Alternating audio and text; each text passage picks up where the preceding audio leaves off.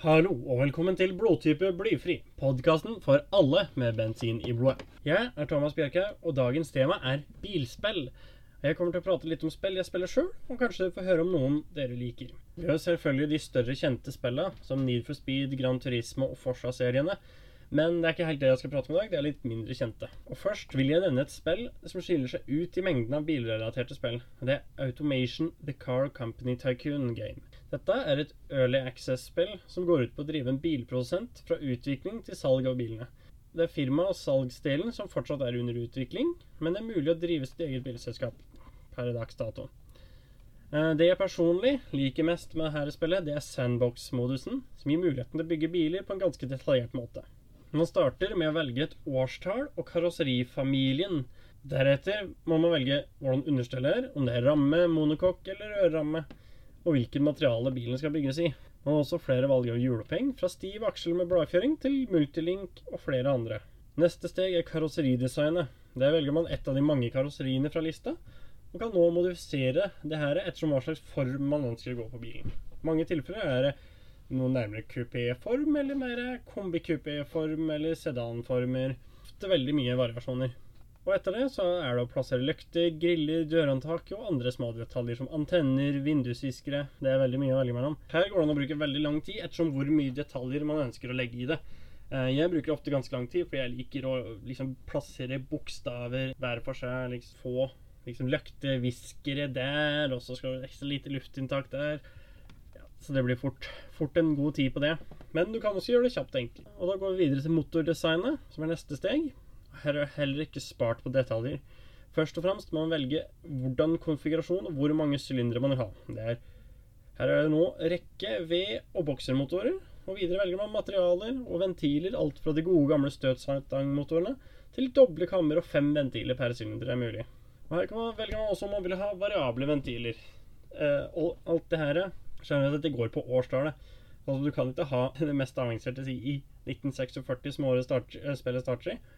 Men etter hvert som det er tilgjengelig i det store markedet, da. Og så kan du finjustere motorvolumet, kompresjon og hvor aggressive kammer man vil ha. Og Her er det mulig å gjenskape ekte motorer eller komme opp med noe helt eget. Innen rimelighetens grenser. Så det er forholdsvis realistisk hva du kan lage.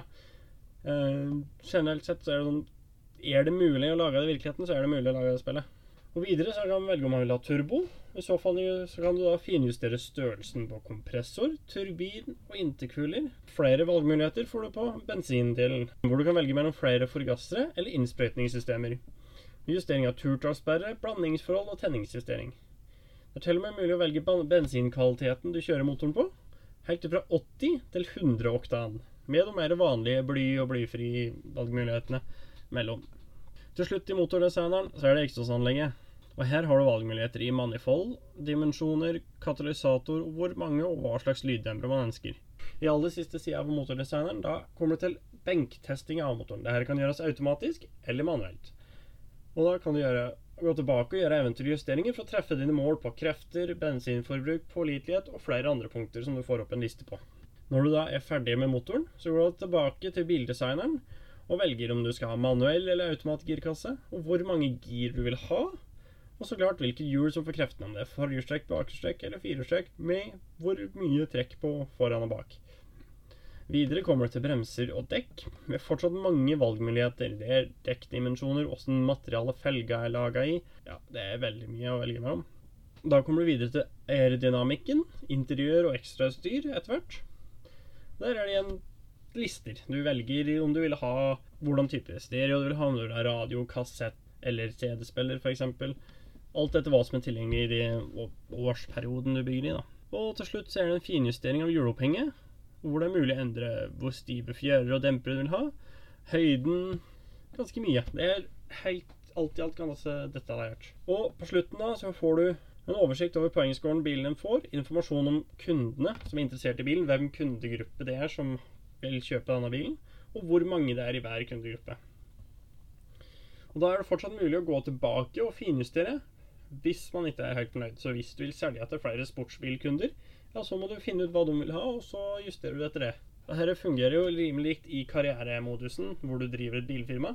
Så det er ganske likt å designe en enkelt bil som det er som å designe en bil i et firma. Personlig så liker jeg bare å lage biler i sandbox, for da kan jeg ofte bruke lang tid på å få alle detaljer riktig. Eh, du kan også da eksportere biler til et annet spill, som jeg kommer til senere. Og Spillet det finner du på Steam. Det er også rikelig med mods i Steam Workshop, som gir my mye mer muligheter til hva han kan lage. Og dette er et spill jeg har fulgt siden starten, rundt 2012. Neste spill det heter da BeamNG Drive. Og som jeg nevnte, er det mulig å eksportere bilene man lager i Automation til dette spillet, hvor man kan da kjøre dem. For det er ikke mulig i Automation. Det er en av de nedsidene. Derfor anbefaler jeg å ha begge disse to samtidig. Men det er fortsatt mye mer man kan gjøre av dette spillet.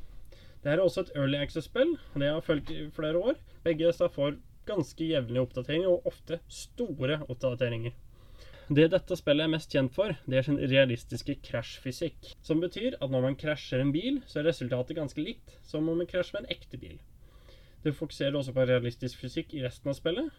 Så det er vanskeligere å kjøre bra enn mange andre spill. I hvert fall hvis du ikke har rattepedaler. Eh, det anbefaler jeg absolutt på spillet.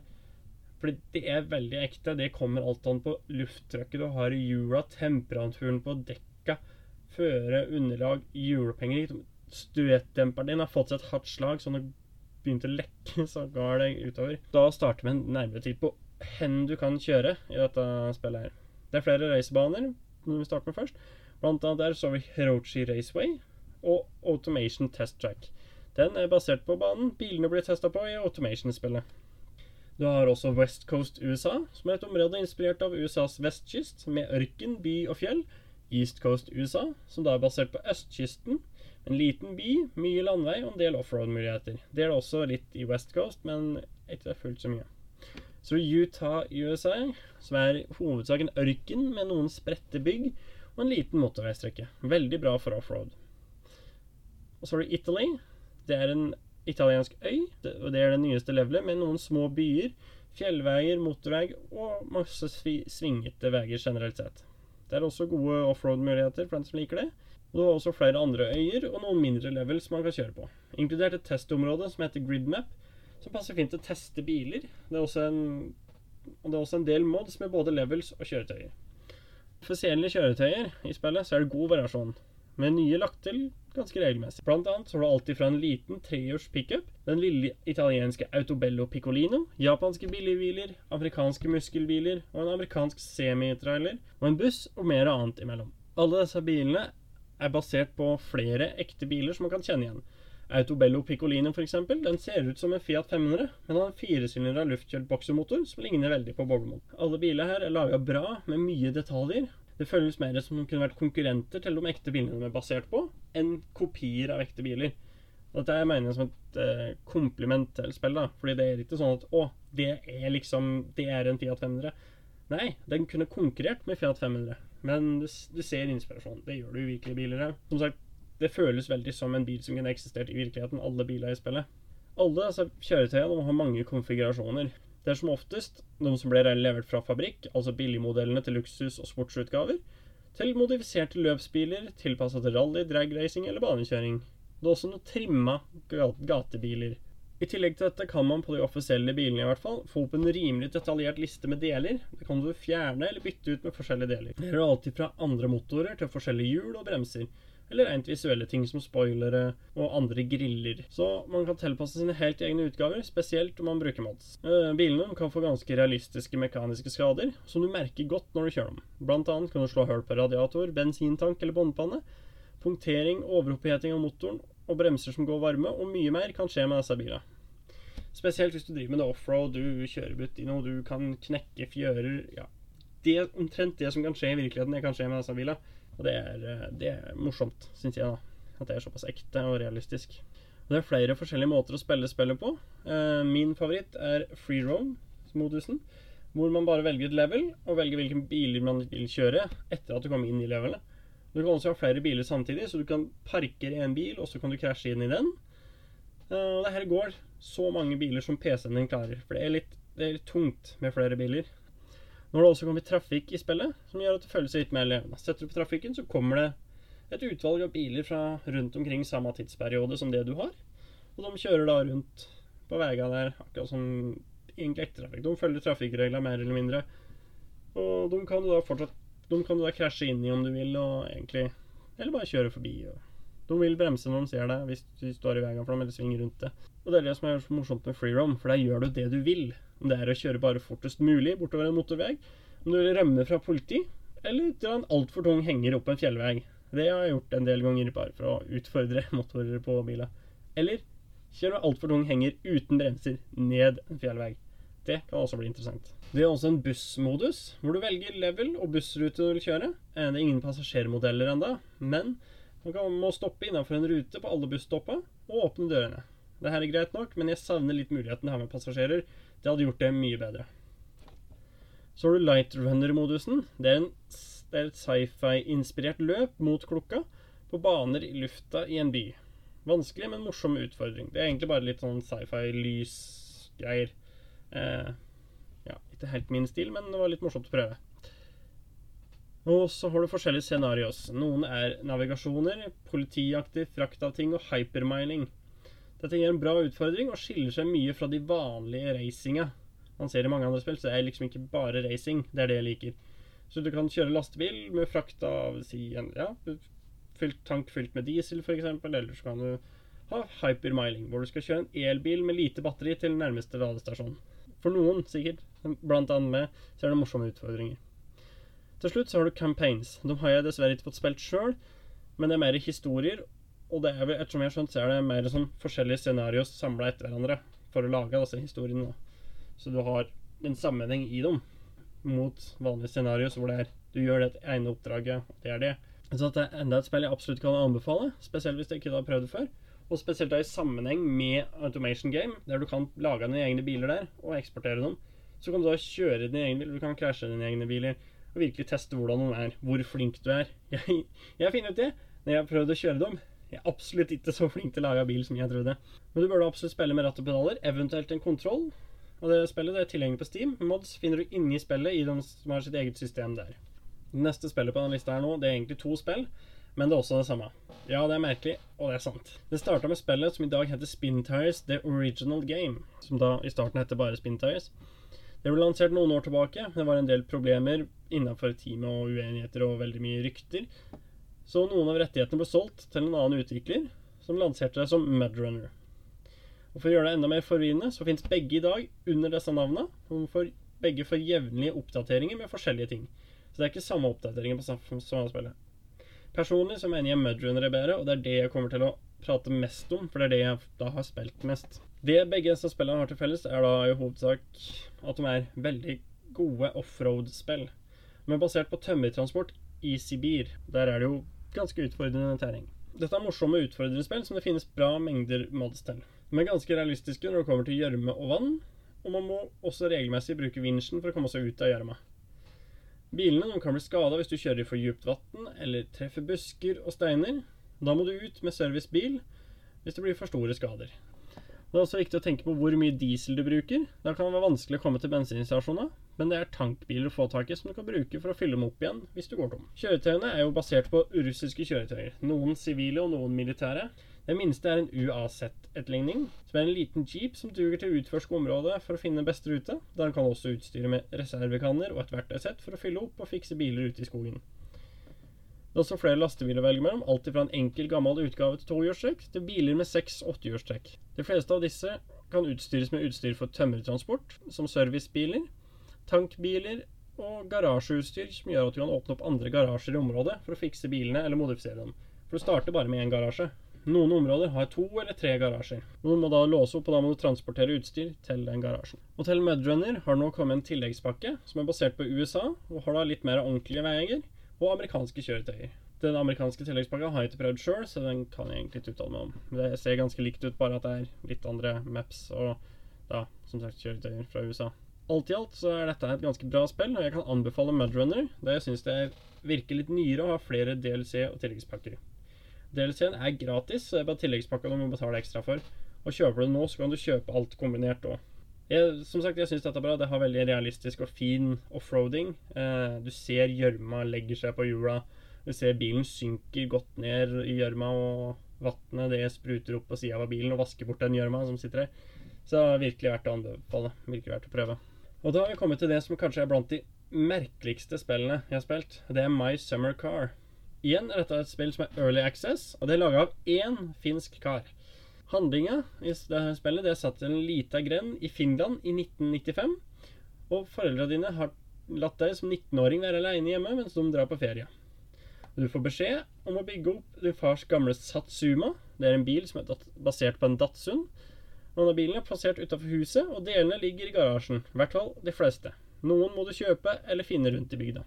I kjøleskapet der har du litt mat, og på benken står ei kasse med øl. For dette spillet så må du også overleve. Så du må passe på å ete, drikke, dusje, pisse, sove og stresset må du tenke på. Det kan du kontrollere med alkohol, banning eller røyking.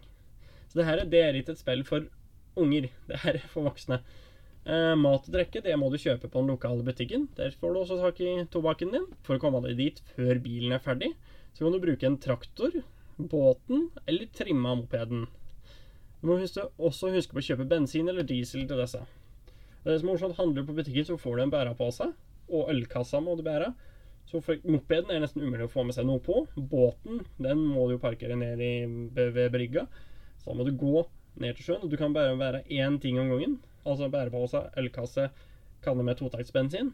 Så det, det er det å finne en bra løsning. Det er, ja, det er så sært, og det er så morsomt. Men det går også en buss.